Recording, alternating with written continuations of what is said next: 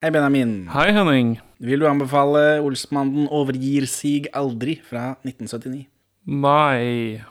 Så, Henning, vil du anbefale Olsmannen overgiver seg aldri fra 1979? Jeg vet, det var jo helt greit, det.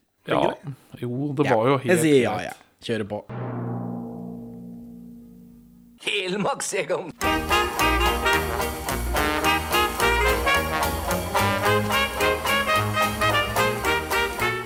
Perla for svin.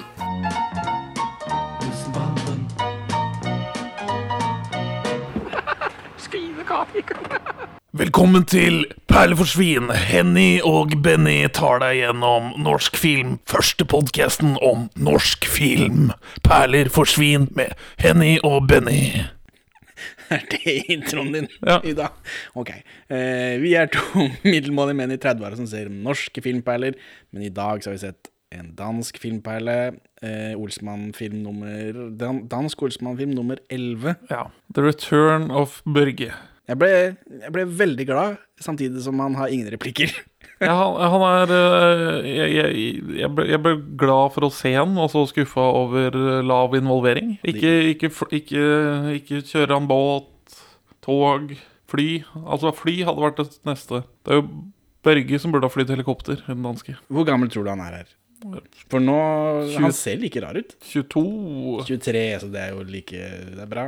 Godt gjetta. Det føles som det er 400 år siden sånn sist. Ja, for nå har det vel gått Hvor mange filmer har vi sett siden han sist var med? Ja, Det har jeg ikke noe tall på, men dette, når- eller, altså, han- når- den siste filmen han er med i i dansk rekkefølge, er film nummer åtte. Ja. ja, for de har litt mer Børge enn vi har Basse. Ja. For vi har syv filmer med Basse, mens de har åtte filmer med Børge. Pluss denne her, da, eller hva? Pluss denne også. Kanskje han dukker opp senere også, men det får vi se, da. Bare, bare kanskje. Kanskje. Jeg kan jo ikke bare sitte her og påstå det. Uh, ja, Børge dukker opp, men eh, han Jeg ble veldig glad for å se han, samtidig som han gjør ingenting, og kall det i gåstegn plottet hans Det gir heller ikke noe mening. Jeg husker ikke hva plottet hans er. Plottet hans er at han blir far, men Fie var jo også gravid i film nummer åtte. altså i norsk rekkefølge syv, så det er jo i Se rødt. Eh, og det blir bare Det er ingen som sier noe på. så enten eh, Skal vi bare gå inn i filmen først, eller skal vi ta dette Børge-plottet? Eh, Egon, eh, det skjer kupp, sånn som han pleier å gjøre. Altså, Egon er, sitter inne i ni måneder, og så gjør de et poeng av det, at nå har du sittet inne i ni måneder, så eh, Fie skal føde hvert øyeblikk. Så det betyr at de filmene vi Altså filmene mellom åtte og denne, altså mellom Se rødt og Overgir seg aldri, de har ikke skjedd mens Fie har gått og vært gravid med samme barnet. Det er, vi mangler Olsmann-seriens lefling med barn. ja. Her, det er pussig, for her mangler vi en unge. Det kan jo hende hun har liksom At det ikke ble noe greie på det barnet, men Nei, det, de nevner det ikke. Eh, sånn dødfødsel, tror jeg. Ja, men de, de nevner det ikke. De behandler det her som om det er stort at eh, Basse skal bli far for første gang. Ja. Og det Ja, ja. På den tida her, når det var dødfødsler, så fikk de ikke egne gravsteiner. De ble putta i sånn babymassegrav, tipper jeg. du typer det. Ja. Det er rart å ikke nevne det i en bisetning. Da. De er jo ellers ganske gode på kontinuitet her. Hæ? ja, det, de, de eh, Har ikke de danske også øh, Kjell-familien flere barn i, sta- i den første filmen? Jo, jo, jo. ah, Det, ikke den kontinuiteten. Jeg tenkte sånn, De finner en fransjeger, og så sier de wow, det her er jo ikke Jeg trodde ikke det var flere fransjegere. Sånt noe. Kjell skal være bestefar. Ja, du skal være bedstemor. Så, Benny, nu skal du aldeles ikke prøve på å være morsom. Vi begynner på denne filmen, eller? Ja da. Husker du hvordan den norske åpner? Nei. Den åpner rett på botsen. Ja. Mens i Danmark så har vi et åpningskupp. Ja, vi skal jo i disse forresten, og den danske er 1 time og 48 minutter, mens den norske er 1 time og 41 minutter. Så poeng Norge da. Det er vår tradisjon. Ja, det, det er poeng. Jo kortere, jo bedre. ja, men eh, et sted hvor den norske har kutta ned noen minutter, er her, da. Hvor de har et åpningskupp. Ja. Eh, åpningskupp, poeng. For dette er et godt, klassisk åpningskupp. Godt stilisert åpningskupp. Ja, for her eh, Det er den urgamle vaktmannen. Jeg lurer på hvor gammel han er. Ja, han fremstår som veldig, veldig Helt gammel. utrolig gammel. Ja, men han har fremstått som utrolig gammel i i hvert fall ti år snart. Ja.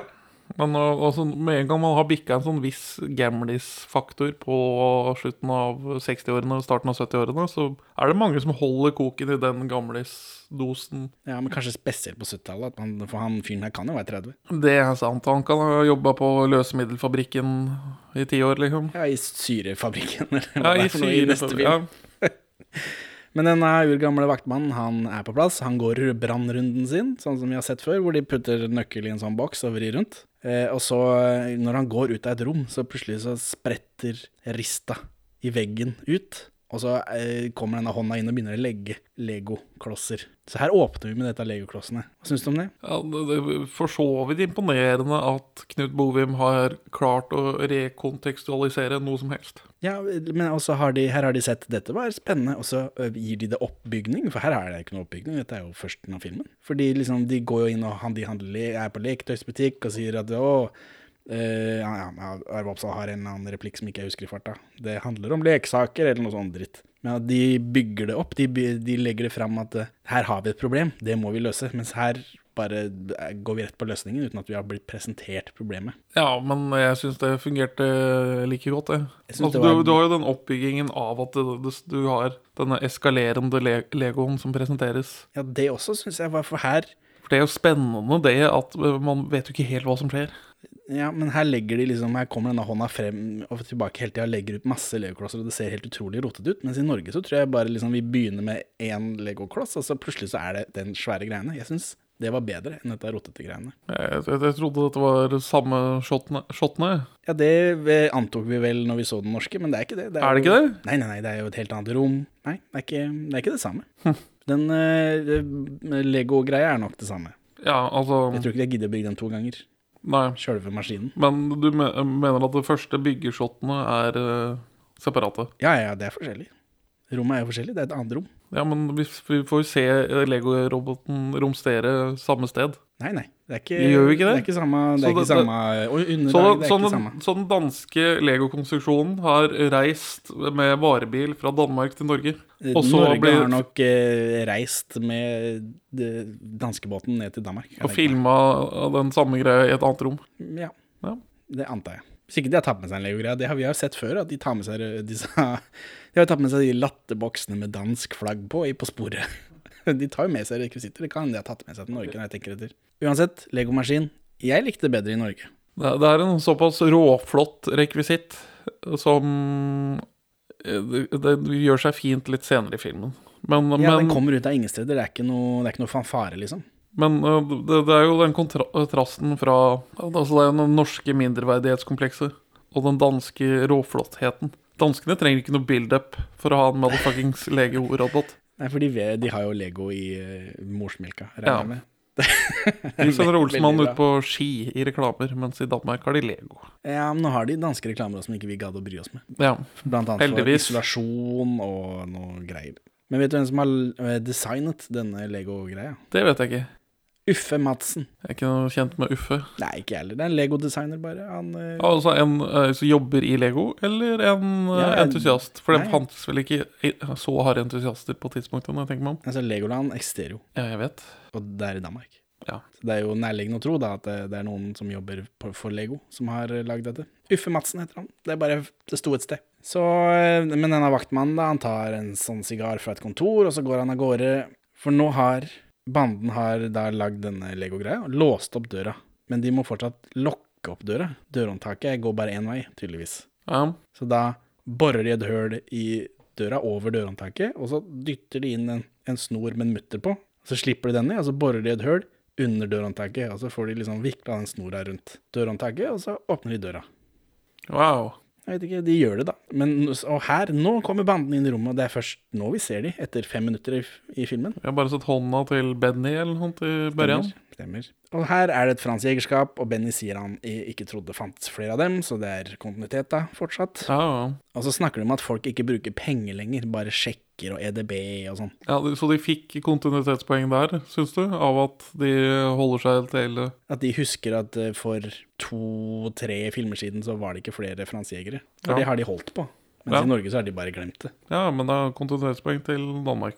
Ja, og så er det sånn Er det noen satirepoeng på dette EDB For EDB ikke, for er veldig i vinden på tidspunktet. Alt skal bare være EDB. Ja, men her, men her tenkte jeg, er dette enda en film hvor Olsmannen er blitt for gamle? Dette gjorde vi jo for, eh, i Olsmann 9 eller noe sånt. Ja, men uh, det det er alltid bare enda en Olsmann-film som gjør det samme Ja. som en tidligere Olsmann-film. Ja, det kommer bare en ny en.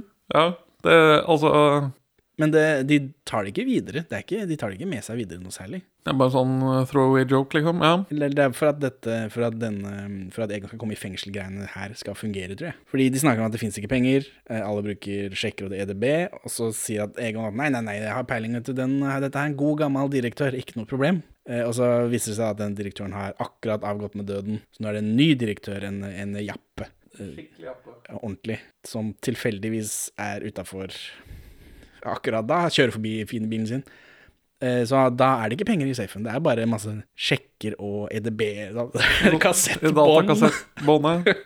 Kjempegøy. Denne unge direktøren han kjører forbi, og så ser han at det er sånn høl i vinduet med teip på, som i den aller første Olsmann-filmen. Der er det throwback-poeng. Ja, Da skjønner han at det er innbrudd. Throwback er veldig, veldig jeg, det, det er, Altså Selv om jeg hater at filmene er bare et repeterende helvete, så liker jeg når de kan i hvert fall vise til at de er en del av en slags kontinuitet. Ja, dette er jo et univers. Dette er sånn Marvel-filmene driver. Ja. Bortsett fra at Marvel-filmene også introduserer nye ting. Det er ikke Osmans interessert i. Nei, det, det er ikke deres store greiene. Nei. Da skjønner han at det er innbrudd, og så marsjerer han bare inn til den der vaktmannen som sitter og er gammel og surrete og røyker sigaren sin, ikke sant. Og så får han vaktmannen kjeft av denne unge jappen. At det er jo innbrudd her, din pikk, sier jeg. Sånn. Og så, så er det jo ikke noe penger, da. Og så ringer de politiet, og så kommer politiet, og så løper Benny og Kjeld.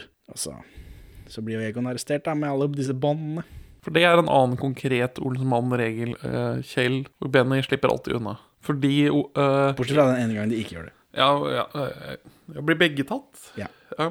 Men for Egon blir sånn lammet av forfjamselse når noe går galt. Eller så er det at han trives inne. Ja, for no, eh, en del ganger så er han konkret eh, klar for å bli tatt. Ja, noen, ja for det er, det er jo en viktig del av hans plag, planleggingsfase, er å først å sitte i fengsel med en eller annen fyr. Det er formelen han opererer etter. ja. Er er det samfunnskritikk av eh, gjengangsforbrytere som ikke klarer å finne seg til rette i den virkelige verden? Ikke akkurat det her, men den, eh, den som en gang har spist av blikkfatet, referansen fra, fra forrige film, er, vel er, kanskje det. Ja. Men her sånn, så det plukker jeg ikke opp noe sånt. Men det er jo noe med dette Egon Han blir jo feiret. Han, nå har du vært inn og ut i ti år, var det sist. Da gratulerer, du er inne igjen. Det er, han har jo han har ikke noe seng noe annet sted. Nei. Så, så han, han føler seg hjemme. Han Syns ikke det er så noe stress å sitte i fengsel. For han kommer i fengsel, da. Og så er det statsfengselet i Vridesløse Lille.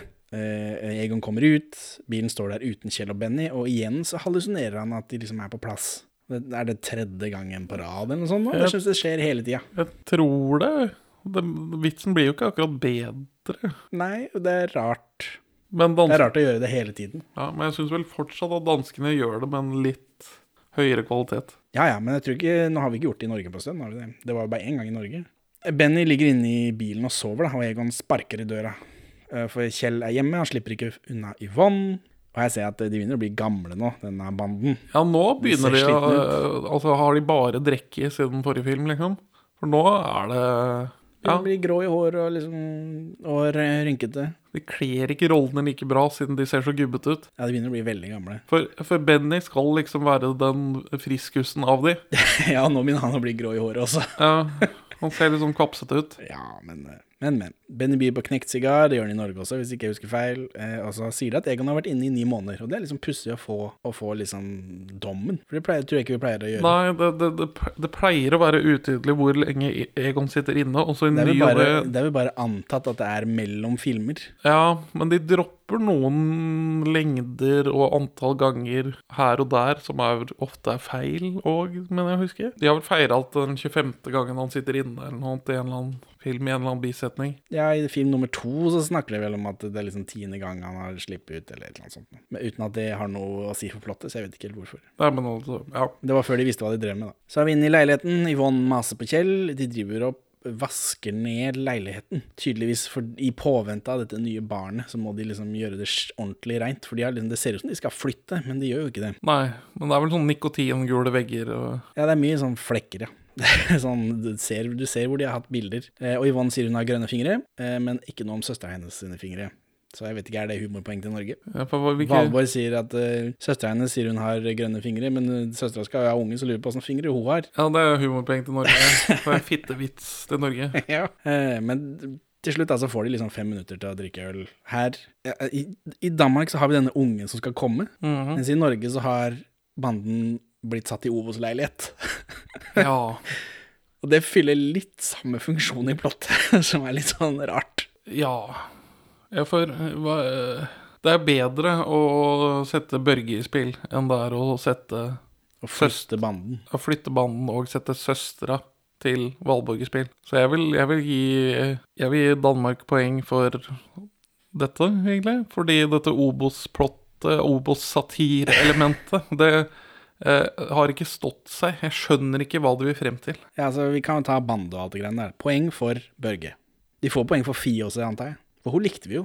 Når vi, hun gjør ikke så mye her, da, men hun er jo her. Ja. Men uh, det er poeng til Fie, poeng til Børge. Egon. Mm. Den samme for meg, de fyller samme funksjon. Jeg heller mot dansk Egon. Jeg gjør det. Skal vi gi poeng til danske Egon? Ja. Benny. Norske. Norske Yvonne. Ja, for hva, hva, hva er det de gjør i eh, det? Yvonne er veldig opptatt Yvonne har mye mer å si her, fordi hun skal jo bli bestemor, liksom. Hun er veldig opptatt av denne ungen som skal komme. Hun, eh, hun skal kjøpe masse ting og må ha liksom millioner til det. Hun er veldig maste på det, mens Valborg prøver jo noe av det samme, men her er det jo snakk om ungen til søstera, liksom, så det er et uh, stykke lenger removed. Ja, Yvonne-poeng. For det, det, det henger liksom ikke helt på greip, det som skjer i den norske. Nei, så er det jævlig masete, da, begge disse kjerringene, spør du meg, da. Ja, ja, ja. Det er litt av greia. det, det er morsomt, det. Klage over konene sine. Ha-ha. Det er jo veldig morsomt. Kjell, da. Jeg pleier ikke å pause ved dette poenget, men uh, her er det noe Han skal jo bli bestefar, og her Jeg føler at senere her sånn så dukker Hjerte. Olsmann-Hjerte. Det er lenge siden vi har hatt disse filmene. Jeg føler Ja. det dukker opp. Så vi kan ta det som et eget poeng, og samtidig gi poeng til Karsten Byring, hvis du er enig. Ja, det kan gå greit. For dette at han skal bli bestefar og sånt, og her er det Det er noe hjerte. Ja, Mens det, det er, har vi jo ikke i Norge, fordi han skal jo bli øh, Hva blir det, da? Ja? Onkel. ja, han skal bli onkel. ja. Det er ikke det samme. Det, det eh, Basse skal få en fetter eller en kusine. ja, det er ikke helt det samme Eh, i Norge, da. da og så er det Hermansen og Jensen, da. Ja, det blir vel port. Dobbelt norsk. Eh, Holm hever materialet igjen. Veldig rart. Eh, gøy. Eh, hvorfor gjør ikke alle Nei, Hvorfor gjør ikke alle norske skuespillerne det? Er han den eneste som virkelig hammer det til, og ikke bare gjør revy? Altså Jeg vet ikke hva Men han Det er en helt annen karakter, men med de samme replikkene og eh, tingene å gjøre igjen, som er overraskende bra. Det er, det er sånn jeg hadde håpa det skulle være. Han er Øyvind Blunk er den eneste som gjør det, for han Den danske Holm er jo eh, oblivious og liksom en gladfjomp. Mens Norskeholm er jo en surfis og liksom bitter og conniving. Ja, en bitter idealist. Ja, men han har virkelig forstått oppdraget, for å si det mildt. Ja. Blunk. Mens disse andre, de jangler bare av gårde. Eh, Sverre Wiberg Hermansen har noe ved seg bare. Sverre Wilberg har noe ved seg bare som redder han. Men hadde han ikke hatt det, så hadde han vært like dårlig som de andre. Ja, han reddes av karisma, men han får liksom ikke lenger noe rom å utøve det til noe særlig. Nei. Sist var vel når han Sist gang Hermansen hadde noe eh, vettu i hendene å gjøre, var vel Da var det stallgreiene, altså liksom Ja. noe annet. Men, det var jo, men da hadde de gjort om på plottet, på ordentlig. Da hadde jo liksom ja, Danske Hermansen kan du få billig av meg. Jeg har sikkert sagt det en million ganger nå, men det Han blir jo er slapp og kjedelig. Jeg Ja. liker han ikke. Er han elsket? For Hermansen, Ja, ja, er, selvfølgelig. Hermansen er jo en sånn breakout character som alle har et litt sånn ekstra godt øye til. Alle Olsmann er elsket fra hver, hver sin nasjon. Så danskene har jo et annet lynne da, enn nordmenn, kanskje. Ja, Eh, Vi er i leiligheten eh, som ikke er en Obos-leilighet. Her får vi da vite at Kjell skal bli bestefar, og Yvonne er ikke sånn superfornøyd med å bli bestemor. Humor, fordi kvinner liker ikke å bli gamle, osv. Her kommer dette med at Egon helst vil drikke av glass igjen, uten at vi får noen forklaring på det. ja, men de lingrer vel ikke like mye på det, eller? Jo, jo, et glass. Eller eh, altså, det, det, vi så det for første gang i den tilsvarende norske filmen. Ja, For i nå Obos-leiligheten. Ja. Ja, et glass, bit, bit, bit. Å ja, og så reiser de seg opp og liksom gjør det også. Men jeg skjønner ikke hvorfor. Nei. Og de har drukket av glass før, har jeg sett i de andre filmene. jeg vet ikke hva det er. Så jeg snakka om dette barnet skal hete Kjell eller Andrea Margrethe. Hva er det for en referanse? Om det er en referanse. Kanskje det er eh, navnet til, de, eh, til nåværende og forrige danske dronning. Det hadde ikke forundra meg det spøtt, for de er farlig glad i kongefamilien her. Altså danskene, tydeligvis. Banden har ikke tid til planer, dette er nye barn og greier, eh, og det er ikke noe penger noe sted heller i disse nye tider, altså fysiske penger som de kan stjele. Men planen handler ikke om penger, sier Egon, det handler om økonomi. Og Yvonne sier at det er slutt på kriminalitet og ulovligheter, nå som de får dette nye barnet. Det gjør hun i Norge også, men da er det jo jeg husker jo, det er jo den nye leiligheten da, som er liksom Jo, ja, fordi de, disse finere strøka, så passer det seg ikke. Nei. Og Egon er enig med henne og skryter hemningsløst. Samme som i Norge. Fordi de skal slutte med ulovlig kriminalitet, nå skal de begynne med lovlig kriminalitet i stedet. Det skal Ja. liksom bli store Det er noen aksjer og noen greier. Og Satire på hvitsnipsforbrytelse og den kommende jappetida. Er svin. Men uh, iallfall så blir jo Yvonne blir jo med på dette når liksom ja, Egon er enig med henne for en gangs skyld. Men det gjør han vel bare for å smiske henne ut, gjør han ikke det? Jo, fordi når hun har gått, så sier Egon at det, det var manipulasjon, sier han til mannen. Og det gjør han i Norge også, men her får vi også en forklaring, eller vi får politisk snert. For her så sier Egon at han har tatt kurs i fengselet i manipulasjon. Mens i Norge så er det ikke noe mer. Dette var manipulasjon bare, og så fortsetter han med planen. Satirepoeng Danmark. Ja. For her har man bare glemt å ha med en vits. Ja, Men- rart. rart, men- og det er én setning, liksom. At man tar setupen, og så har man ikke punchlinen. Nei. Men det gjør jo da danskene med dette glasset, da. Det er, det er litt samme greia. Ja, men det er jo i Norge også, så får jeg heller ikke noen forklaring på hvorfor, de, hvorfor Egan plutselig skal drikke av glass. Og i tillegg når de har gjort det før også. Men eh, Det er vel bare fordi han har Det er vel da fordi han føler seg nå som hvitsnipsforbryter, siden han har blitt mer ressurssterk i fengselet og prøver å bytte til eh, storhaikriminalitet. kanskje. Sten og strøm fins ikke i Danmark, tydeligvis. Så planen er å kjøpe aksjemajoriteten i Magasin du Nord. Som er akkurat det samme som Sten og Strøm. Ja. De var i eh, 2011-2012 god for 2,2 milliarder danske kroner. Så det er jo eh, en god bedrift å ta aksjemajoriteten i. Ja, det skulle den tro. Eh, og så er det Magasin du Nord er jo eid av tullefirma som jukser med regnskap og osv. Det samme greiene som de skal stjele, da. De skal stjele det ekte regnskapet, og så får de aksjene i bytte, samme som i Norge. Eh, men blackmail heter det der jeg kommer fra, men det sier de ikke i, i Danmark eller i Norge. Og så får de planen på papir. Det tror jeg ikke de gjør i Norge. Det var rart. Her får du liksom et ark, og så bruker de ikke det arket til noe. Og i dette bygget hvor eh, det regnskapet ligger, så er det også en masse andre firmaer osv., osv. Men de nevner ikke attentatsfare og ombudsmann, så dette er noe sånn eh, Knut Bovim eh, nært. Ja, eller hvem er det som skriver Agg. den? Det er Knut Bovim Agg. Ja. så jeg vet ikke, er det poeng for det? Det er satire på ombudsmann og noe Jeg tror det er en referanse som har blitt borte i tida. Ja, for jeg, men jeg klarte heller ikke å finne det i avisarkivet. Noe som helst om attentat eller trusler knytta til ombudsmannen. Nei, Jeg vet ikke om det bare er liksom at forbrukerombudsmannen, At det kanskje det var hårsårfolk eller noe sånt. Det var jo sånn passe nytt, var det ikke det? Jo, jo. Og bedriftene ble vel sure av å bli stilt krav til. Selvfølgelig. Men er det poeng fra eller til? Det, det tror jeg ikke. Ikke uten å vite hvorfor det er. Nei. Eh, Gir mening. Det blir i så fall et poeng for å prøve på noe mer enn Danmark. Nei, det, det kan vi ikke gi. Kjell påpeker at Egon sa at alt var lovlig, eh, samtidig som han da prater om at de må bryte seg inn.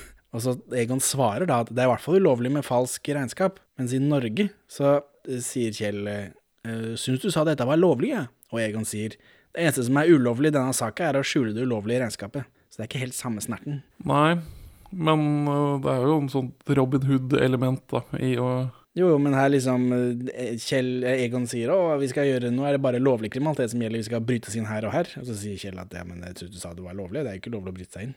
Og så er svaret det er i hvert fall ikke lov å ha ulovlig regnskap. Så han benekter på en måte ikke at det er ulovlig det de skal gjøre. Mens det er ikke helt den samme snerten i Norge, syns jeg. Så jeg vet ikke, er det poeng for det, eller blåser vi i det? poeng Danmark. Og så er det kuppet, da. Det er det samme smoothe, drivende eh, og tima kuppet som i Norge. Mer eller mindre, med unntak av denne sigaren som eh, Kjell får i Norge. Jeg, jeg blir ikke sugd inn av dette i det hele tatt. Ikke? Folk går inn og ut av dører, det er liksom, det skjer ting, da. Kjell får ikke den sigaren som i Norge. Eh, Benny driver og ringer rundt og forstyrrer folk, alt er tima tilrettelagt. Og så blir Benny forstyrra av en dame mens han driver og ringer inn den telefonkiosken. Det skjer ikke i Norge. Det får så være. Kjell er tjukk og må gå i trapper, det skjer ikke i Norge. Men det, det, det er også et sånn typisk poeng Danmark, da. Å bruke noe som spiller på karakteren. Men eh, har ikke vi snakka om dette, i hvert fall i Askeladden og sånt, at uh, å være tjukk er ikke karakter? Ja, men på, i 1979 så er det det. I, Vi nå, kan ikke dømme dette til sånn det var før, for da er dette det flotteste som fins. De Jeg tror de solgte nesten en million billetter jeg, for denne. Nei, det er jo du vil, vil se på filmen med moderne øyne, så kan jeg være med på det. Selvfølgelig, det er jo det vi gjør her. Vi kan ikke dra tilbake i tidsmaskinen. Ja, men vi prøver jo å forstå vitsene i Jo, jo, det- deres, kontekst. Det er for å se om det var gøy. Så- om det er gøy ennå. Å prøve å forstå hvorfor filmen er konstruert som den er i sin kontekst, henger jo også på grep. Ja, ja, altså, jeg skjønner at det var gøy med tjukke folk i gamle dager, men det, det gir ikke meg noe nå. Nei. Og så kommer den eh, så oppe blant alle disse sekretærene, og så er det en sånn sjef der som har nøkkel til safen og bla, bla, bla. Og her kommer den denne, den fjernsynet er ikke så spennende vitsen kommer igjen. Den har vi også i Norge. Fjernsyn Du er kjedeligere enn fjernsynet på søndagene, sier de her. Jeg tror det er lørdag i Norge. Ja, ja, for, for i, i Danmark så høres det ut som Ja, øh, søndag er den dagen vi sender kjedelig TV på. Mens i Norge så gjør vi narr av NRK. ja, så er det poeng Norge. Ja, det, det vil jeg faktisk si. eh, Knut Bovim driter på NRK-poeng. ja. Uansett så har direktøren er spilt av han som spiller Rico. Det er det i Norge også.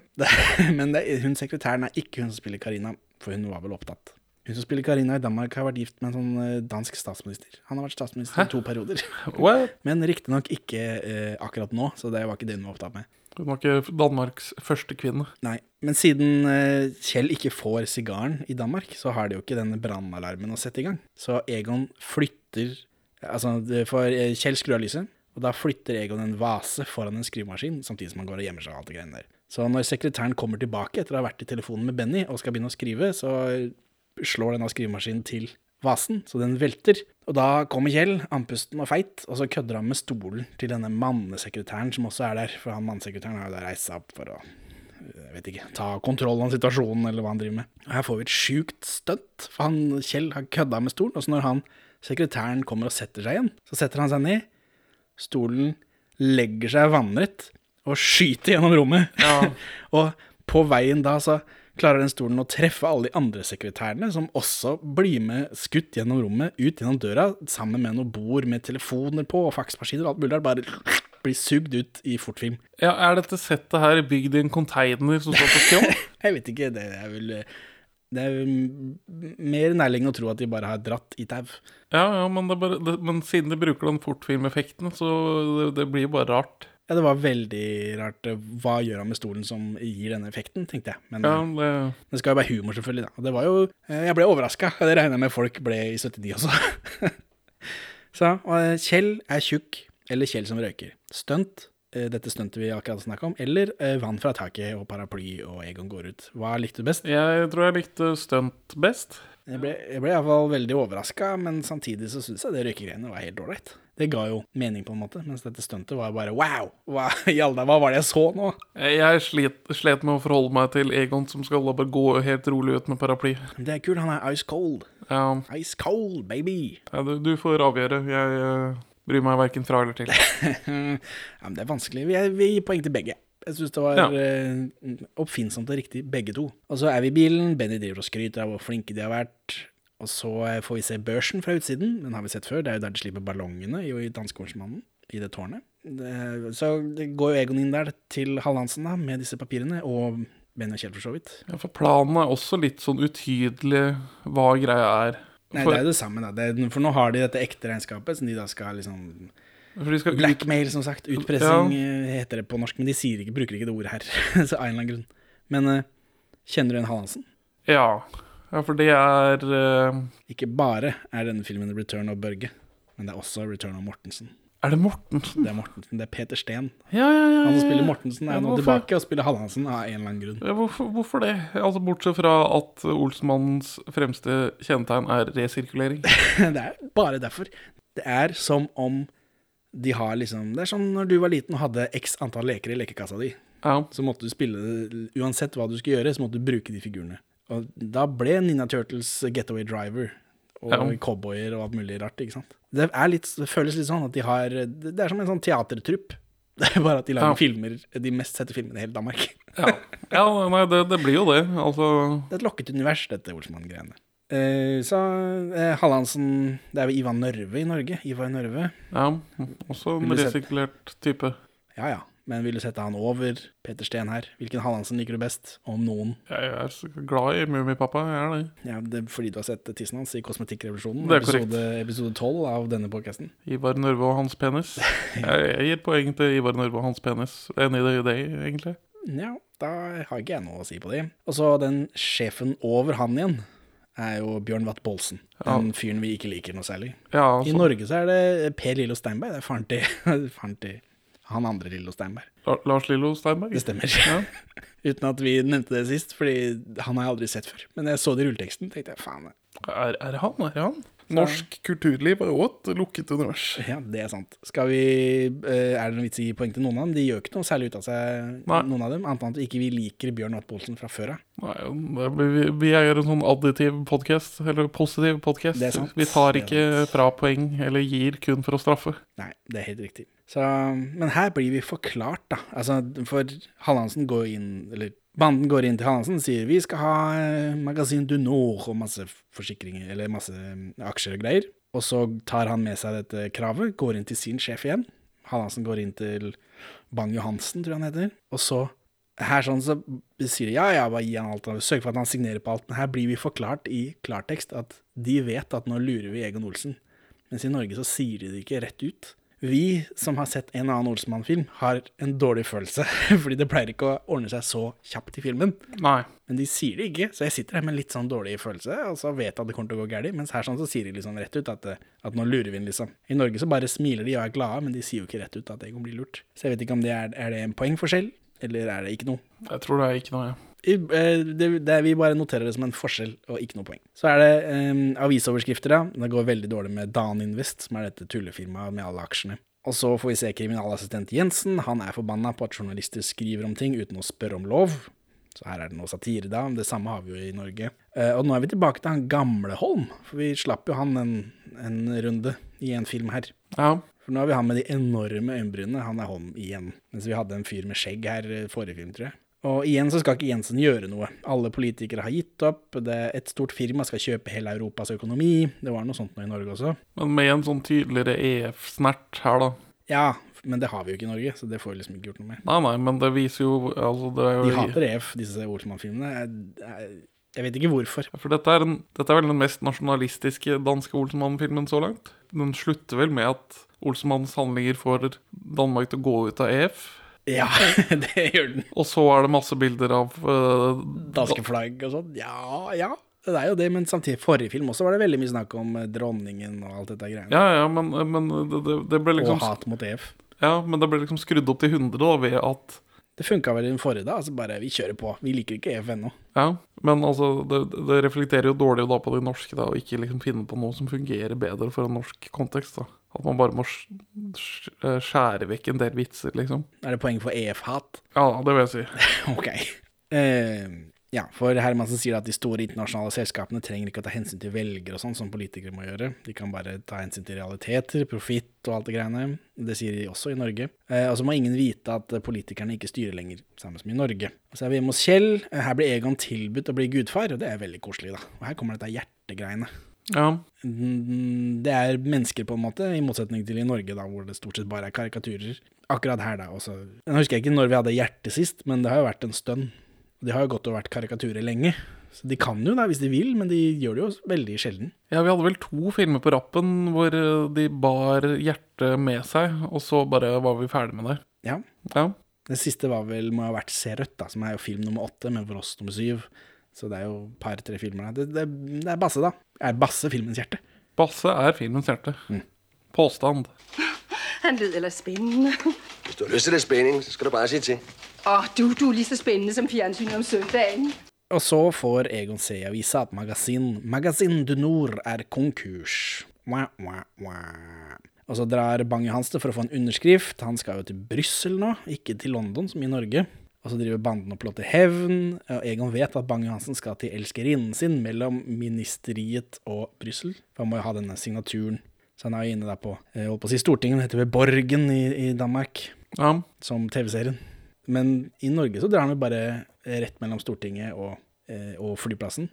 Denne, de har ikke lagt inn den ekstra elskerinnen, så jeg vet ikke Det er ikke noe, det er bare en, en forskjell. Gjør ikke noe for meg, i hvert fall. Nei. Da er det dette ølkassekuppet, altså trøkkuppet. Og her, eh, den ene trøkken har navn etter en sånn badeand den har på seg. Og så er det en annen som heter Luskefis, og det har jeg googlet det, jeg fant ingenting. Jeg vet ikke hva det er for noe. Eh, Mye bedre med crossover i Norge.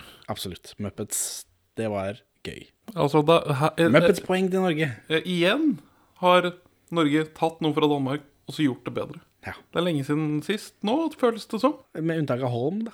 Ja, ja, men det, det er en skuespillerprestasjon og ikke filmens uh, mekanikeres prestasjon. Nei, og denne Lego-greia da, som jeg syns var fin. Men sånn utenom andre, i andre filmer så er det lenge siden sist.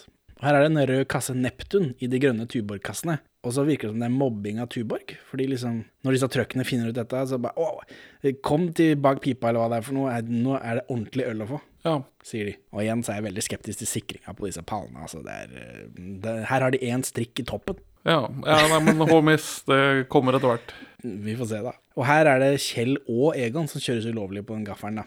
Så den eh, hestegreia er ute. Hestekjerra. Ja, Fordi banden bytter den ene ølkassa de har tatt med seg, mot en epletralle. Som de da bruker istedenfor. Eh, og så er det den scenen hvor Benny ikke vil gi fra seg dimsen sin. Den der greia han bruker til å lokke opp ting. Han er litt mer insisterende enn i Norge, syns jeg.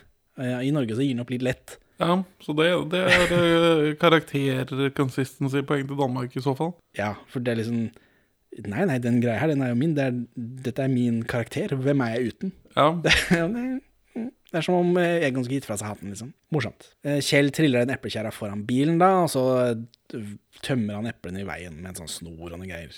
Eh, Eplekjerre mot hest og kjerre. hest er jo en mer imponerende kuliss, men føles litt forced. Ja, for hvorfor skulle de ha eh, Hvorfor skulle de operere en stall på eh, Hva er det, Ringnes? Hvorfor skal politiet operere med hester? Ja, men det er fordi de bruker de til å tråkke på folk og slå de Ja, fra et høyt punkt. Men eh, de skal jo bare levere øl på ja Ringnes. nei, det Men magisk univers, da. Altså, Ja, ja.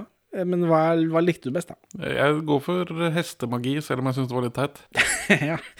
Hestemagiris. Og så er det den der løfta bil og så videre. eh, Og også her så har de sånn biltelefon, da. Så han eh, Bang-Johansen ringer til Hall Hansen, og så klipper vi til Bøffen. Det er jo selvfølgelig akkurat de samme klippene som i Norge. ja, og Skytebass, og så han, han driver og plager lærlingen sin, da. ja, det er vel ett et poeng for filmklipp som hører hjemme i Jeg husker ikke om vi Film. begynte med det. Om, jeg eller tror jeg, liksom jeg tror jeg klarte å force det inn. ja, ja vel. Teller du ikke poeng, forresten? Nei, det har jeg glemt. Ja. Ops. vi får ta det på slutten. Ja, Så skal bare dimsen. Dimsen? Ja, det der lille spesielt tildannede stykke messing til at lukke op med. Nå, det... det. Åh, men altså, ærligt talt, Egon, det er ikke meget for. Hvad skal det sige? Det er mit. Det er jo ligesom kun mig, der... Må I være fri, jeg skal bruge det. Kom så med det. Ah, det er heller ikke så lige til. Det kræver sådan ligesom lidt... Uh... Hvor herre bevar sådan noget pjat. Hvis du kan, kan jeg vel også. Det pærer lidt. Nej, jeg er ikke meget for det. Så, for dette er akkurat samme klippene, ja. Egon går alene inn med kofferten sin i, inn til Hallandsen, og så sitter Nå er vi med Benny og Kjell som sitter på utsiden, så vi ser da at Egon går inn, og så blir han båret ut igjen med en gang. Og så følger banden etter Bøffen, og, og så er det, det er jo mye det samme, da. Det er eh, Bøffen markløfter Ove Språge, det er fortsatt imponerende, men det var veldig imponerende når han løfta Arve Oppsal. Hallandsen prater med Egon og er i veien, det er samme som i Norge, banden kobler om ledningene. Bøffen sprenger seg selv, så får vi rumpa til Bøffen igjen. det er akkurat det samme. Ja, jeg holdt på å si skal vi poeng i Bøffen, men uh, mesteparten av klippene er jo det samme. Nei. Nei, det er litt sånn kjipt i Norge, da, at, det er liksom, at vi bare har tatt det. Ja, men jeg, jeg Nå som vi vet om det, så er det jo veldig åpenbart at her har du Bøffen og en fyr som ikke er en kjent uh, ordsmannskuespiller. men Og ingen av de sier noe som helst, liksom. Men ja. Jeg, føler, jeg savner fortsatt Jeg trodde, jeg trodde vi skulle hatt mer eh, karakteren Biffen slash Buffen, og ikke bare tilfeldig strong man. Ja, men dette er jo den Buffen-karakteren vi kjenner, da. Mens i forrige film, forrige danske film så var det jo en annen karakter han spilte. Ove Verne Hansen. Altså, nå er han Biffen. Jeg tror det. Han har jo eh, stripete genser og greier. Ja. Jeg føler karakteren er annerledes. Han snakker Ja, ja, han snakker litt òg. Sivilister, sier han. det er gøy. Uh, ja, nei, jeg tror Han føler han driver liksom med det samme, mens de andre gangene så har han jo spilt litt sånn sjåfør og resepsjonist og sånt, mens dette her er bare Han driver med sluskeri. Jeg tror dette er Biffen-Biffen. Ja. Sprengningsbas og sluskeri. Ja. Sprengningsbas, og så bor han sammen med hans Hansen der i den hytta. Og, det er liksom, og han kidnapper folk og putter i bøtter. Jeg føler det er samme karakter. Ikke noe poeng ikke fra eller tilbake, da. Egon må da til Brussel for å redde Magasin de Nord. Eh, nå har jo eh, De slo ned Egon, og da har de tatt tilbake den EMCA-avtalen. Dette at de skal selge Danmark og alt det greiene der. Ja, for det, det er litt det samme som i forrige film. Ja, men ikke med For samme I forrige film så er det veldig trykk på at Danmark skal gjøres om til EFs feriekoloni, mens her skal de bare Her er det et firma som skal bare ta over alt og tjene penger, tror jeg. Det virker ikke som det er like inngripende i eh, Danmarks liv og levne, eh, denne avtalen. Nei. Annet enn at nå kommer det noen over de folkevalgte som skal sope inn. Eh, og for nå har jo han, Bang-Hansen har denne kofferten og drar til Brussel, for han er jo ferdig med å få det signert og være hos elskerinnen sin. Så da må Egon dit for å redde Magasin du Nord, som er det eneste de bryr seg om ennå. de skal ha aksjemajoriteten i dette, i denne butikken. Det holder jo ganske greit for disse fire personene å leve av det, da. Ja ja, men det er ikke, de skal ikke redde Danmark ennå. Og så drar de innom en pornoshop, for de skal jo gjøre et kupp, selvfølgelig. Mens i Norge så er det en lekebutikk. I Danmark, da. Ja. Eller altså i London, mener jeg. Pornoshop versus lekebutikk. Lekebutikk gjør seg mer i barnefilmserien. Ja, Det er veldig dansk at de må innom Bare en forskjell etter hvert, men det kom, vi kommer til et poeng senere, mener jeg. Eh, Kjell må ringe til Yvonne og si vi må dra til Brussel. Det tar 1 time og 40 minutter, eller sånt nå, men det er jo flyturen, ikke selve turen fram og tilbake til Brussel. Ja, humor. Ja. I Norge så blir jo Kjell igjen. For nå har han ringt og sagt fra at eh, jeg skal må til Brussel en tur. Hun sier ja, men den ungen kan komme når som helst, du har ikke tid til dette. Ja, men det tar 1 time og 40 minutter. Ja, men det er greit, ja, men du får kjøpe noen kaker. Så det han gjør først, før de drar til Brussel, er å kjøpe kake, så han må ha med seg den kaka hele veien. humor. Så er banen i Brussel, og eneste måten å vise at man er i Brussel, er selvfølgelig å vise den tissegutten, Ja, statuen, som står og tisser, og den tisser noe jævlig. Setter opp den strålen bare. Eh, og Kjell ser jo dette, da, så han må tisse. Og så er det ikke noe humor på det. Vet du hva den staten heter? Uh, La Piet Et eller annet. Manneken Piss. Nederlandsk for Little Pissing Man. Ja. Lille tissemann. Tissegutt.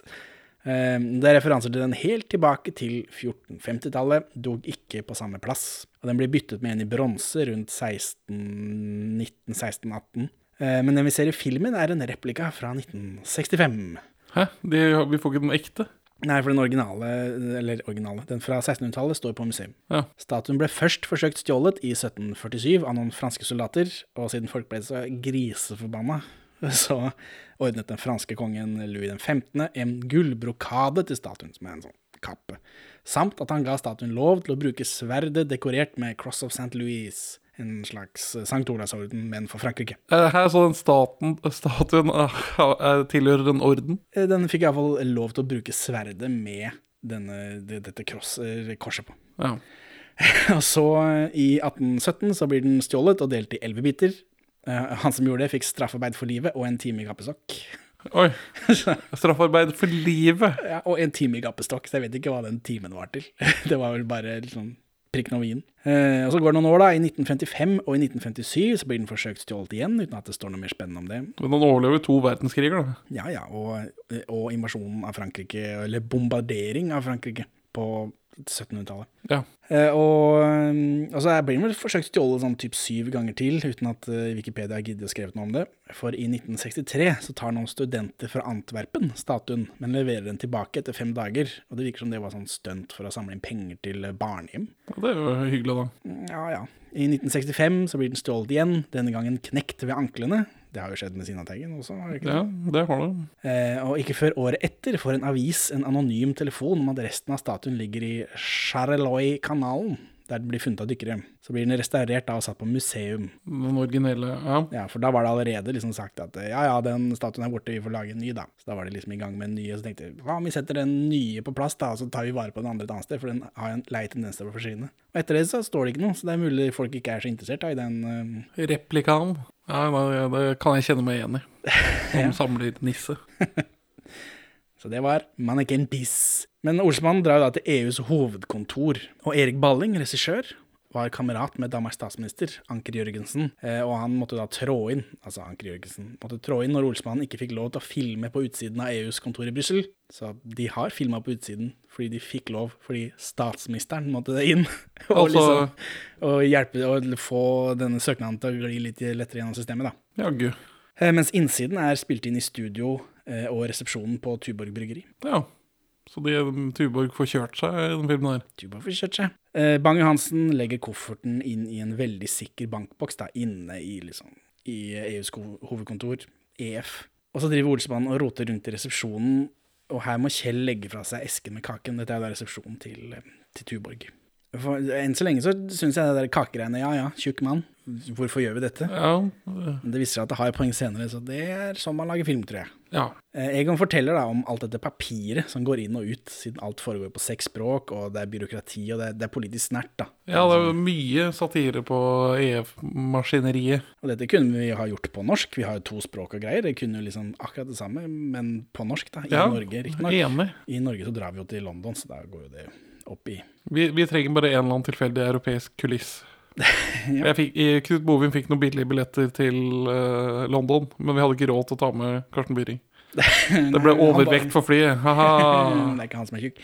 Men Karsten Byring var jo opptatt i, med noe annet, som nevnt i forrige uh, film. Forrige podkast. Så banden sniker seg inn da i en sånn papirlastebil, og jeg tror Kjell nesten dør når han ikke kommer på, for det ser farlig ut. Ja, det, det er en sånn tendens til å få han til å gjøre farlige ting. Jeg vet ikke. Ja, nei, Jeg vet ikke hvorfor, men det skjer. han sitter alltid på utsiden av ting. Når Ja. det skal kjøres ting hvor det går an å sitte på utsida, så er det han som sitter på utsida. Det er morsomt fordi han er tjukk, kanskje. jeg vet ikke. Så er de på et lager med papir, banden sniker seg rundt, det er masse folk der. Egon hiver et pornoblad inn i en kasse som skal til denne bankboksen, eh, og så gjemmer liksom banden seg på do. Og Så finner denne resepsjonisten bladet, og så tilkaller resepsjonisten vakten. Eh, Og mens de er opptatt med det, så kommer banden seg liksom forbi. Og det fungerer ennå her sånn, sier, altså her i Brussel, sier Egon, fordi de er katolikker. Ja, og det stemmer at det er vel et flertall katolske i Ja, så de lar seg ennå overraske og sjokkere av pornoblad, mens i Danmark så har de jo hatt de har ikke hatt noe pornolov på ti år nå. Ja, der er det pornoen bare det svømmer over. så pornosatire, eller katol katolikkatire, det syns jeg er et godt poeng. For dette, ja, det, dette var gøy. Ja. Også, ja, også spil, de spiller sånn eh, religiøs dødsangst. Eller, ja, det, for, ja, det skjer jo mer senere. Jeg tolker det som frykt. ja, de er jo redde, ja, er for, liksom å bli, redde. for å bli ledet inn i fristelse og til Ikke evig kåthet, selv om han blar jo veldig mye i dette bladet, men han er sjokkert. Han, å- øh, han er jo et svakt menneske, han klarer ikke å unngå synden, men han føler seg veldig skyldig. Han går og reiser seg og snur korset etter hvert. Ja. Legger Jesus inn mot veggen. Jeg vet ikke om det er bedre. ja, jeg tror ikke han bryr seg. Men det det er noe. Det er religionssatire. Men, men, men som Belgia og Nederland er jo øh, Det tenker jeg jo egentlig som sånne kåtingland. Nederland i hvert fall. Jeg tror ikke Belgia Jeg pleier ikke å blande Belgia inn i det. Nei, kanskje det er bare jeg som maler med litt bred pensel over eh, Benelux-landet. Det dumme svin. Banden skal ta seg inn i boksen da, eh, og gjennom et vannrør, fordi den boksen er så sikker at hvis det tukler med det, så vil den fylles med vann. Og her, sånn, her vet vi jo ikke hva planen er, og det er liksom, hva er det de driver med egentlig? Det, banden får jo ikke, tjukke Kjell får jo ikke klemt seg inn i det lille vannrøret. Men de skrur jo da av det vannrøret, og så sender de inn en sånn sexdokke med en slange med helium på, antar jeg da. Som de blåser opp, og da ser denne katolske vakten, som da sitter og helt skjelver over dette pornobladet, ser på skjermen sin, og der svever det en sånn ganske ekkel sexdokke. Ja. så han blir jo enda mer sjokkert, da.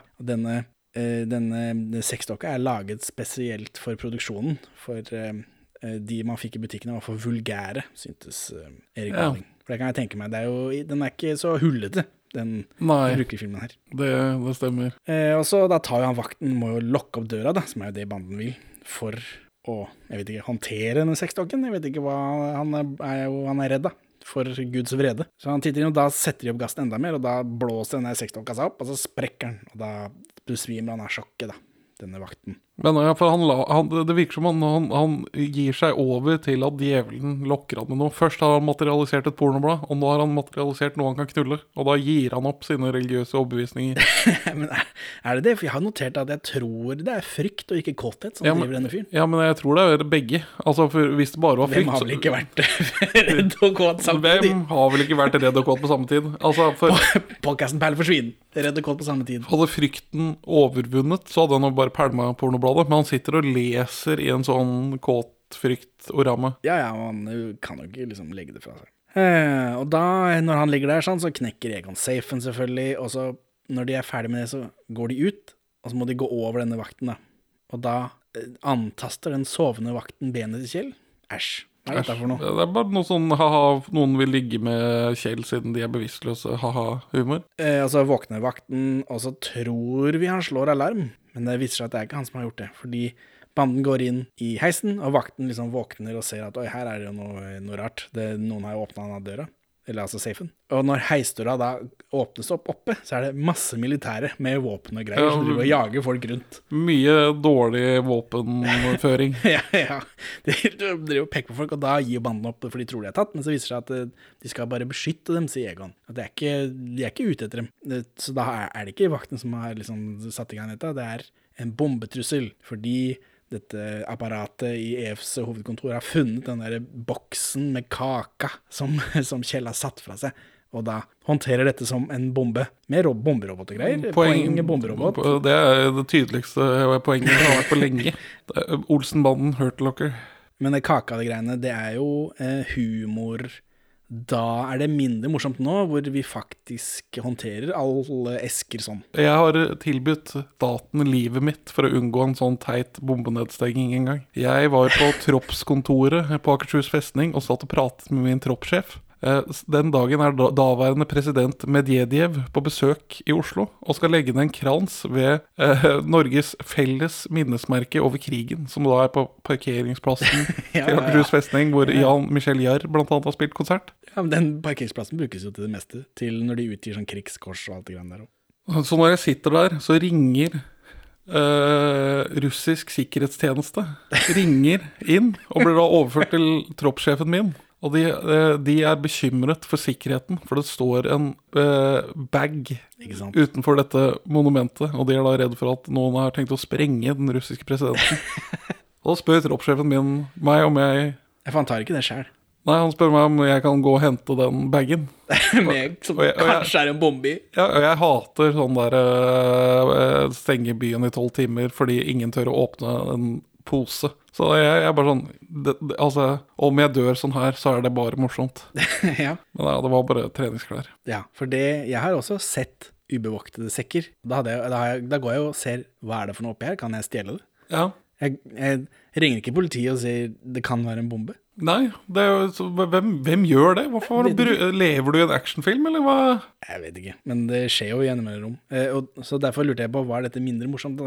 Var det mer morsomt da, siden det kanskje var sjeldnere at det skjedde? Nei, det, er om Eller er det satire på at det, sånn er det, at sikkerheten er så høy i dette EF-greiene, at der roter de det til stadig? På 70-tallet er det masse venstreradikal og eh, Ja, det det eh, terror og Altså, det, dette er satire på hvor mye eh, småterror det er på, i Europa, Europa på 70-tallet. Ja, er det poeng for dette? Jeg- jeg- Det er bomberobotpoeng. Jeg vet ikke om det også er bombesatirepoeng. Nei, det er det jeg spør, da. Ja, jo, dobbelt opp til Danmark, baby. Ja, skeptisk. Eh, og så eh, Bang-Johansen ringer denne ministeren fra en helt utrolig dårlig bluescreen. Enig? For dette Ja. var en bluescreen. Ja, for det- for der det- så du omrisset liksom huet hans. Ja, hvorfor, hvorfor gjør han det? Det er for å vise at han sitter inne i dette kontoret, og at han sitter veldig høyt oppe, og det er stort ut. Ja, er det- Kjempesvære vinduer. Ja. Jeg tror det bare er derfor. Pressen må ikke vite noe, men de kan jo alltids finne en bakmann de kan henge ut. Ministeren ringer da kriminalassistent Jensen, som skal ha razzia på Bang-Johansens kontor. Bang-Johansen er jo i Brussel, så det er ikke så nøye. Eh, Med all presse, da. Samtidig som Jensen hater pressen. Og Jensen spør da Holm om de har en bakmann et sted som de kan ta, og dette går ikke noe sted før de tar Egon på slutten. Og så går Egon inn på Hallandsens kontor igjen, så nå er de jo kommet hjem. Så da må vi liksom gå gjennom denne London-sekvensen vår, for er det noe poeng å gi der? Hva skulle Brussel over London. Er det jeg har gått gjennom den norske filmen igjen, for jeg ble så fryktelig usikker. Var de noensinne på Tower, liksom? Har de bare filma på Akershus festning? At de har filma ved Traitors Gate, det er jeg 99% sikker på. Jeg har sammenligna med bilder, jeg har liksom gjort research. Det, okay. Enten så har eh, Knut Bovim bare lagd denne et annet sted, helt akkurat sånn som det skal være, Ok, nei, det har han ikke. eller så har de faktisk filma der. Ok, det er jo i så fall litt imponerende. Det er også det eneste shotet, det er den med Benny på denne gaten. Mens, eh, for de ror jo et, på et tidspunkt der også, og da tror Da har jeg, når vi har sett den filmen, og så gått, eh, gått fra filmen, begynt å spille podcast med deg, så har jeg sett i mitt, eh, mitt minnes øye at de ror mot denne gaten, men det gjør de ikke. Nei. De ror bare i vannet et sted. Og så har de bilde av gaten i tillegg. Så kryssklipping er et sterkt virkemiddel. Det er det. Hva er, det jeg sitter med igjen fra ok, bussturisme, altså reklame for et eller annet reiseselskap? Ja, ja, det er reklame for Saga. Reklame for Saga Solreise, tror jeg, fordi Valborg har fått sånn sagakort. Det er denne sekvensen hvor Kjell ikke får være med. Ja. Det var jo veldig trist. Og så har du den der lengre Er det poeng for å føle noe? Eh, Ja, det er vel egentlig etablert at man skal gi poeng for å føle noe, men jeg føler jo ingenting, da, siden mitt hjerte er kaldt du er jo og hardt. Men jeg fikk eh, triste barneminner om at det var trist at Kjell ikke fikk lov. Ja, da- Han står og griner når flyet tar av, liksom. Da samtykker jeg til poenget ditt. Og så var det jo dette passet som var eh, Ja. det kjempenye bildet. Ja, da. det vil jeg, det vil jeg rulle under ja, ja, det er samme poenget, men Ja. eh, liksom, det var noe der for deg òg. Ja, det, det likte jeg. Ja. Det likte jeg. Og så tar de denne bussen, og så får de ikke filme inne på det hotellet, tror jeg, så de filmer bare på utsida. Fordi 'Å, der er han! Han gikk ut av hotellet sitt igjen'. Men eh, på, Hotell Metropol, eller hva det var for noe. men på First Price Madame Tussaud får de lov til å filme. Ja, ja da får vi masse cameos. ja. Er det cameo-poeng? Nei, ikke på Jeg syns det var Selv veldig- om det var Christopher Lee. De kan få ett poeng for First Price eh, Vox-museum, Ja. kan de få. men ikke for alle. Jeg syns det var veldig gøy å se Christopher Lee i en Oldsmann-film, for det hadde jeg ikke ventet meg. Nei. Og når jeg blir overrasket av Olsenmannen, så blir jeg jo glad. Ja, Humphrey Bogart var vel der òg. Ja, ja, det var masse ja, ja. Men eh, ja, det er det, og så Det er Tower, da. Det er jo Ja, men det er Akershus festning. eh, Ja, men de skal jo liksom Vi får vel, vi får vel se oversiktsbildet av Tower på et eller annet tidspunkt, håper jeg. Uten Ja. at jeg husker det. Men jeg, jeg liker satire Brussels Ja, ja, et poeng vi har glemt å gi til Danmark, er all skiltingen i Bryssels. At den står på seks språk. Ja, og, og WC står på seks språk. Det, altså, det er gøy. Eh, og så er det vel Det er jo denne De drar jo inn denne lekebutikken, da, men det er jo dette, denne De banker opp disse eh, beefeaterne. Ja, og Det det, er, det, det, det, det er ikke sånn de gjør det. det, er, det, er, det er en minuspoengterritorium, vil Ja, jeg si. det, Jeg vet vi ikke holder på sånn, men, jeg- det er graverende. men hvis vi skal gi et uh, Brussels versus London-poeng, så er jeg uh, trygt plantet i å gi Brussels et poeng. Ja, da gjør vi det. Eh, Men ja, jeg har noe mer på den der at de banka de opp eh, etterpå, Ja. men eh, Du, hva er det du tenker? tenker? kan godt ta den. Jeg tenker, mm, Min eh, første tanke er hvorfor har de ikke bare gjort det sånn som de pleier, og stjålet noe? Men eh, fordi vanligvis når de trenger uniform, så har de et eller annet sånn tullete plott hvor de stjeler jakker og sånt noe. Det kunne de også gjort der. Mhm. De kunne stjålet uh, beefeater-uniformer fra det Vox-museet. Ja, eller det, da. Eller den der, for de pleier å ta det fra buer hvor de har pause. Her er er beefeaterbua, og så setter de liksom en sånn beefeater på utsida. Eller Egon klirrer med en sånn beefeater i vinduet mens de har tatt av seg jakka. Så Ja. løper de ut, for de er så glad i det der greiene, og så tar Det hadde vært i henhold til universets regler. Ja, men bare liksom blind vold. Stump vold. Ja. Det er eh, Nei, det er ufint. Det er så godt som minstepoeng man kan få det. Og så etter det så drar de vel bare hjem. Jo, det er dette kuppet, da. Det er den pil og bue og lekegreier. Oppbyggingen av Legoen har vi snakka om, men pil og bue-greiene, det var ikke så gøy. Det er en heliumsballong der også. Nei, ikke noe flere poeng Nei. til London. Glad det er over. Nå er de eh, danske ordspannere altså hjemme i Danmark. Egon dukker opp på Hallandsens eh, kontor igjen, eh, samtidig som politiet skal ha razzia der, så de stiller seg da på utsida. Politiet fyller bare gata på utsida. Egon dukker opp, Hallandsen svimer av, for han tror jo at Egon er blitt sprengt i fillebiter av bøffen. Eh, og så der står eh, politiet til, og Egon gjemmer seg på do. Dette skjer også i Norge. Og her finner Jensen eh, kofferten, da, så han tar den, for han er jo for den avtalen. Ja. Han er jo med autoritetene. Og Benny og Kjell eh, ser da Jensen går ut med kofferten, og så er vi hjemme hos Yvonne. Hun har en lang liste med sånn barneting som må handles. Kjell bryter sammen ved bordet sammen med Benny, eh, for han vil bare være vanlig bestefar. De venter jo fortsatt på Egon, da. Så her er det dette hjertegreiene igjen, da. Men det har de fått poeng for alt. Eh, Så kommer Egon inn. Han har ingen plan, men politiet har. Det sier de i Norge også. Kjell vil ikke være med, men når han blir truet med at han må fortelle eh, at det ikke blir noe av alle disse pengene til familien sin, så da blir han med. Jensen snakker med ministeren og får skryt. Kofferten er i politiets panserboks. Og Holm kommer med tre kopier av planen, samme som i Norge. Vi syns det var rart da, det er rart her. ja det, jeg kan komme unna. Og så kommer Benny og Kjell inn som journalister. Det, det jo, de har jo i hvert fall kua vitsen da, ved at han har drevet og dissa journalister tidligere. Han Ja, gjør det vel rett, det før, Norge rett før og ja. Ja, han gjør det rett før i Norge også. Men dette intervjugreiene er utrolig mye mer stressende enn i Norge. Danske Benny er en motor mouth som bare pam, pam, pam, pam, ja. Samtidig som Kjell er synlig nervøs. Og i Norge så er ikke Karsten Byring så stressa, selv om han også sliter med den blitsen, da.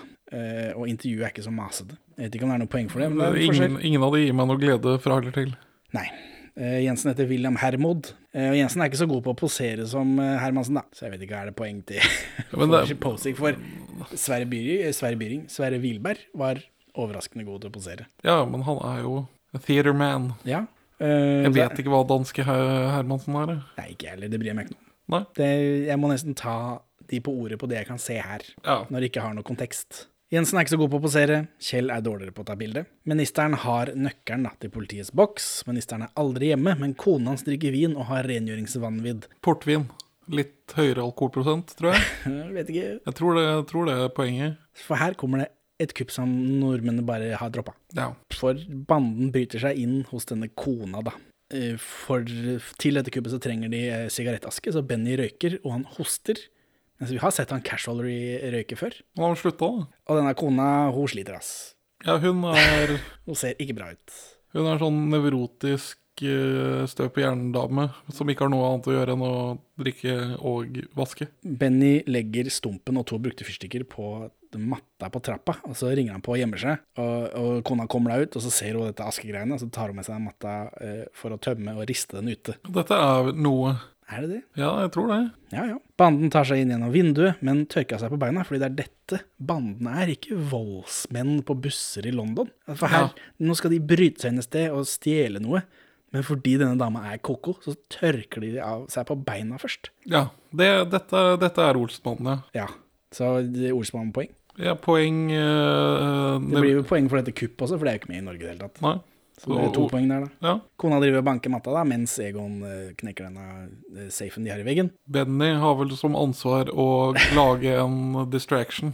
ja, fordi de får jo banka ferdig dette før de er ferdig med dette. Så Benny da legger et, et par hybelkaniner på teppet, og så er det noe sånn business der med at disse blåser frem og tilbake og sånt noe. Men eh, når kona kommer inn og ser det, så, så klikker hun og begynner å støvsuge. Og Egon får opp safen til slutt, og når han lokker den safen, så rister det i veggen fordi det bare er en sånn papp Naturligvis. rekvisitt de har satt opp. Eh, når de skal rømme ut av vinduet igjen, så er Kjell så tjukk at han kommer ikke ut av vinduet i tide, så Benny må gjemme seg bak gardinen. Og når da denne kona kommer inn og ser skoene, så klikker hun igjen. For her er det noen møkkete sko, Ja, ja. viser det seg. Vi tror jo, jeg tror for først hun klikker fordi det er en skummel mann bak gardina mi, men Ja, nei da, her er det noen sko som er møkkete. Så hun tar de skoa, så pusser hun de, mens Benny henger i gardinstanga sånn etter armene. Så faen, er veldig sterk i armene, tydeligvis. Her får vi jo gule sokker i monitor, da. Ja, Skikkelig. endelig får vi det tydelige karaktertrekket og ha fargerike sokker tilbake i monitor.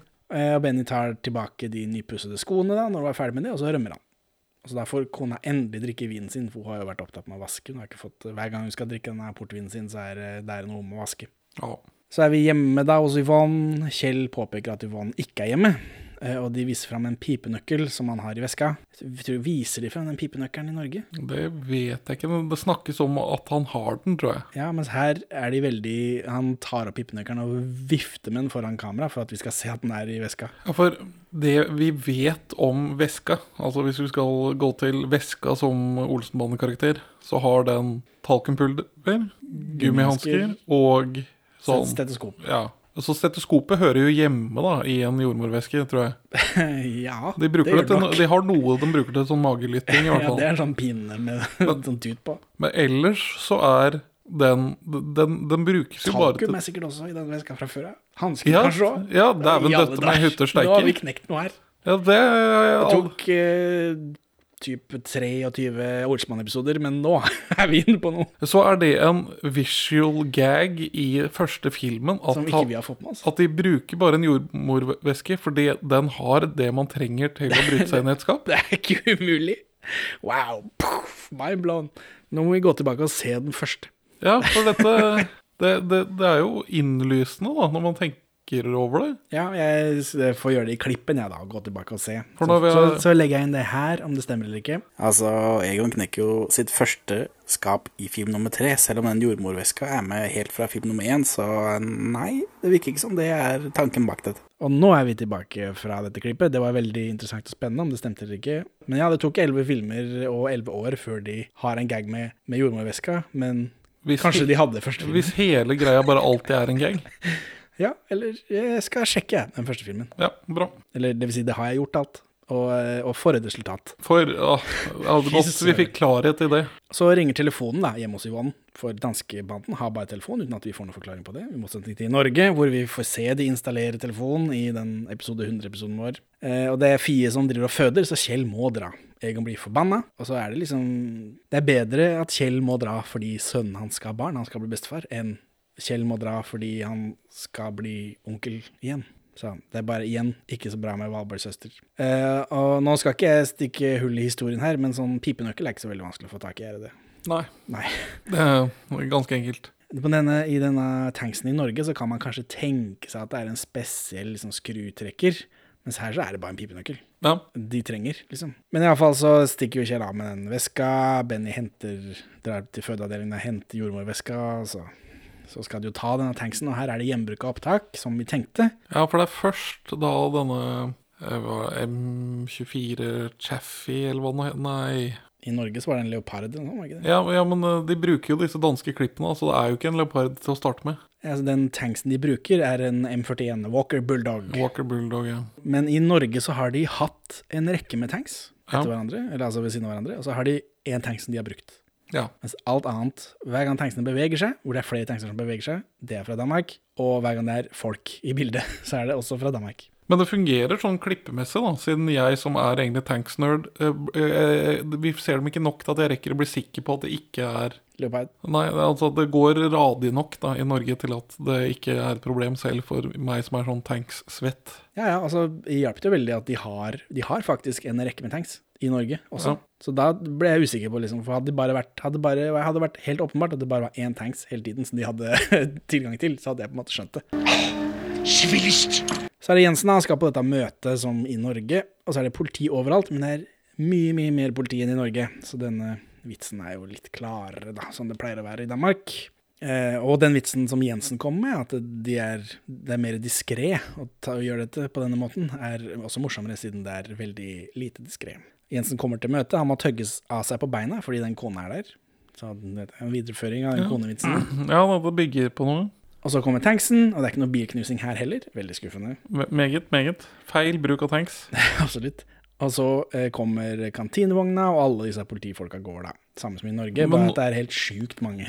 Ja, det, det er gøy satire på politiet. Men i Danmark så er det bare, er det bare en politikantinevogn. Så det er altså de har noen form for uniformering, de som jobber i kantinevogna. Ja, det er ikke fanger. Nei, så det er uh, Det er ikke superprodusenter av eh, norsk kommandittfilm heller. Nei, så det, det, er det cameo-poeng? De var jo ikke det da, men det er jo det nå. Så det, ja, ja. To, to cameo-poeng til Norge. Bing bong.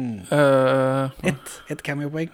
Det er et team. eh, eh, Du vil ha både et cameo-poeng og fangematpoeng? Nei, jeg vil ha to cameo-poeng for de to De eh, får- superprodusentene. De får ett cameo-poeng som et team. Ok. Uh, Jensen sitter da inne i dette rommet og røyker og legger asken på en sånn stor haug med aske på askebegeret, så her, her er det noe. Uh, så reagerer han på at noen plystrer på han uh, ut av dette løpet på tanksen. Og Jensen skvetter og velter askebegeret. Og Benny ler ut av løpet, det regner jeg med du likte. Det beste jeg vet, faktisk. Det gjør det i. Norge òg, tror jeg. Og Jensen blir da Eller den kona i huset ser jo da at Jensen har søla masse aske, så han blir tilkalt, for han må hjelpe til med å rydde opp dette. Og kona er forbanna. Og så blir Egon heist opp i vinduet med tanksløpet. Er Ja. annerledes. Og så tar han kofferten da, og så eh, kommer kona med støvsugeren, og Jensen må da bære den stø boksen, støvsugerdelen, mens hun flyr ut med røret. Ja, for dette er før man fant på å sette hjul på støvsugere. Eh, jeg vet ikke, det er bare for at Jensen må, han må betale for seg. Det er straffarbeid for han òg. Ja.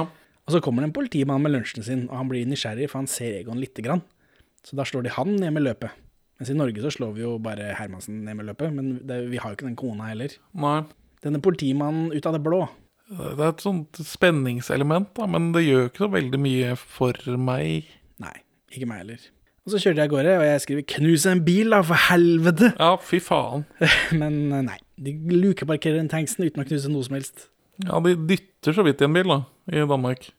Så vidt. Men her er det altså Nå har vi to filmer med tanks hvor ingen biler blir knust. Det er for dårlig. Det er for dårlig. Men nå er det return of Børge, for nå er vi på fødestua. Og Kjell eh, og Børge de venter ute, selvfølgelig, for de får ikke lov å være med på det.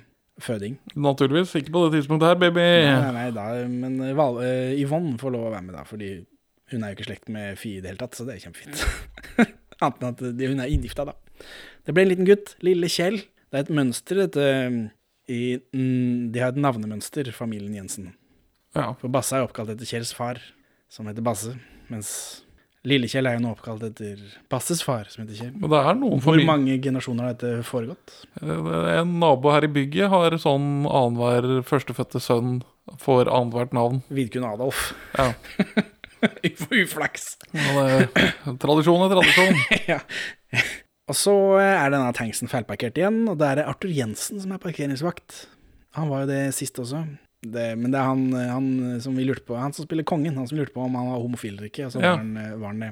Egon tar med kofferten inn til Hallandsen, men nå er ikke han interessert i kofferten lenger, for Danmark er blitt kasta ut av EU. Masse danske flagg overalt. Ja, nasjonalisme-orama. Ja, poeng. Nasjonalismepoeng, eller er det skummelt? Det er, er litt skummelt. Ja, for danskene kan jo brått eh, bestemme seg for at Norge alltid har vært en del av Danmark, altså bare invadere. Eh, hjemme hos Yvonne så vil ikke Yvonne at Egon skal være gudfar lenger, så nå blir det Benny i stedet, uten at hun har noen sånn kjempegod grunn til det. Nei, Han trenger noe man kan stole på, eller noe annet. Ja, så derfor blir det deg da, av mangel på noen andre. Eh, Benny, da. For Egon sitter jo alltid i fengsel. Yvonne sier at Egons store feil er at han aldri har en plan, i motsetning til husmødre som planlegger dåp og sånt. Det er hånlig. Det er det. Så kommer Holm og politiet og arresterer Egon for skattesvindel pga. alle disse aksjeselskapene de har. Og han blir tatt da som denne bakmannen. Og Egon ser på banden som står midt i stua. Dette er et veldig det er et villet skudd. Ja. Og så sier han at dette landet er for lite for meg. Gjør med det hva dere vil. Og så blir han liksom tatt med, da.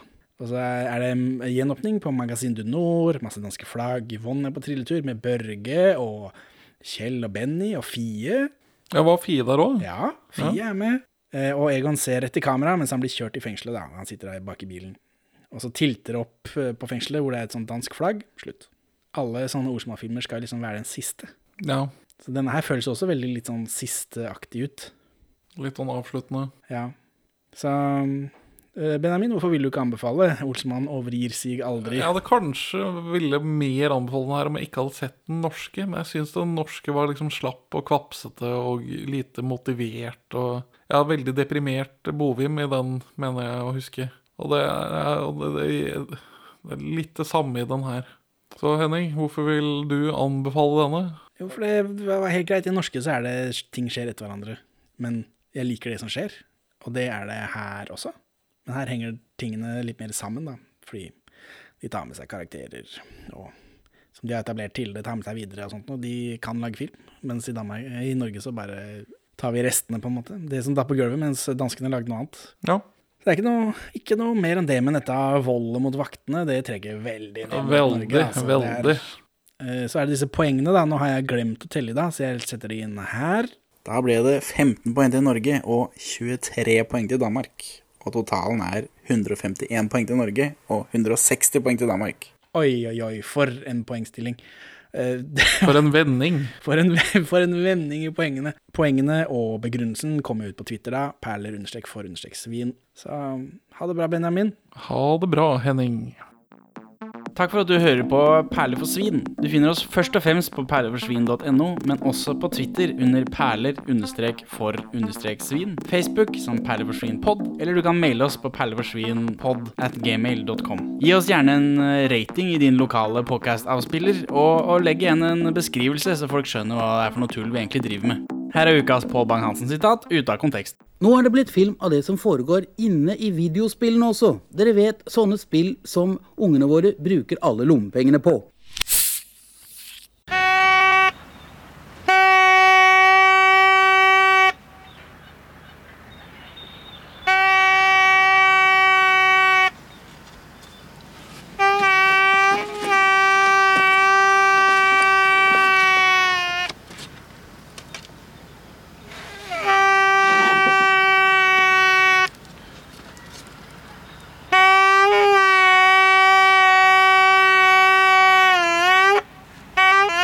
Ja, det, det er mulig de har gitt seg, da, for det var jo, de ga seg samme år.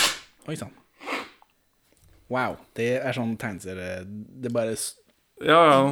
Jeg er ikke så god på å treffe den albuen som jeg burde være.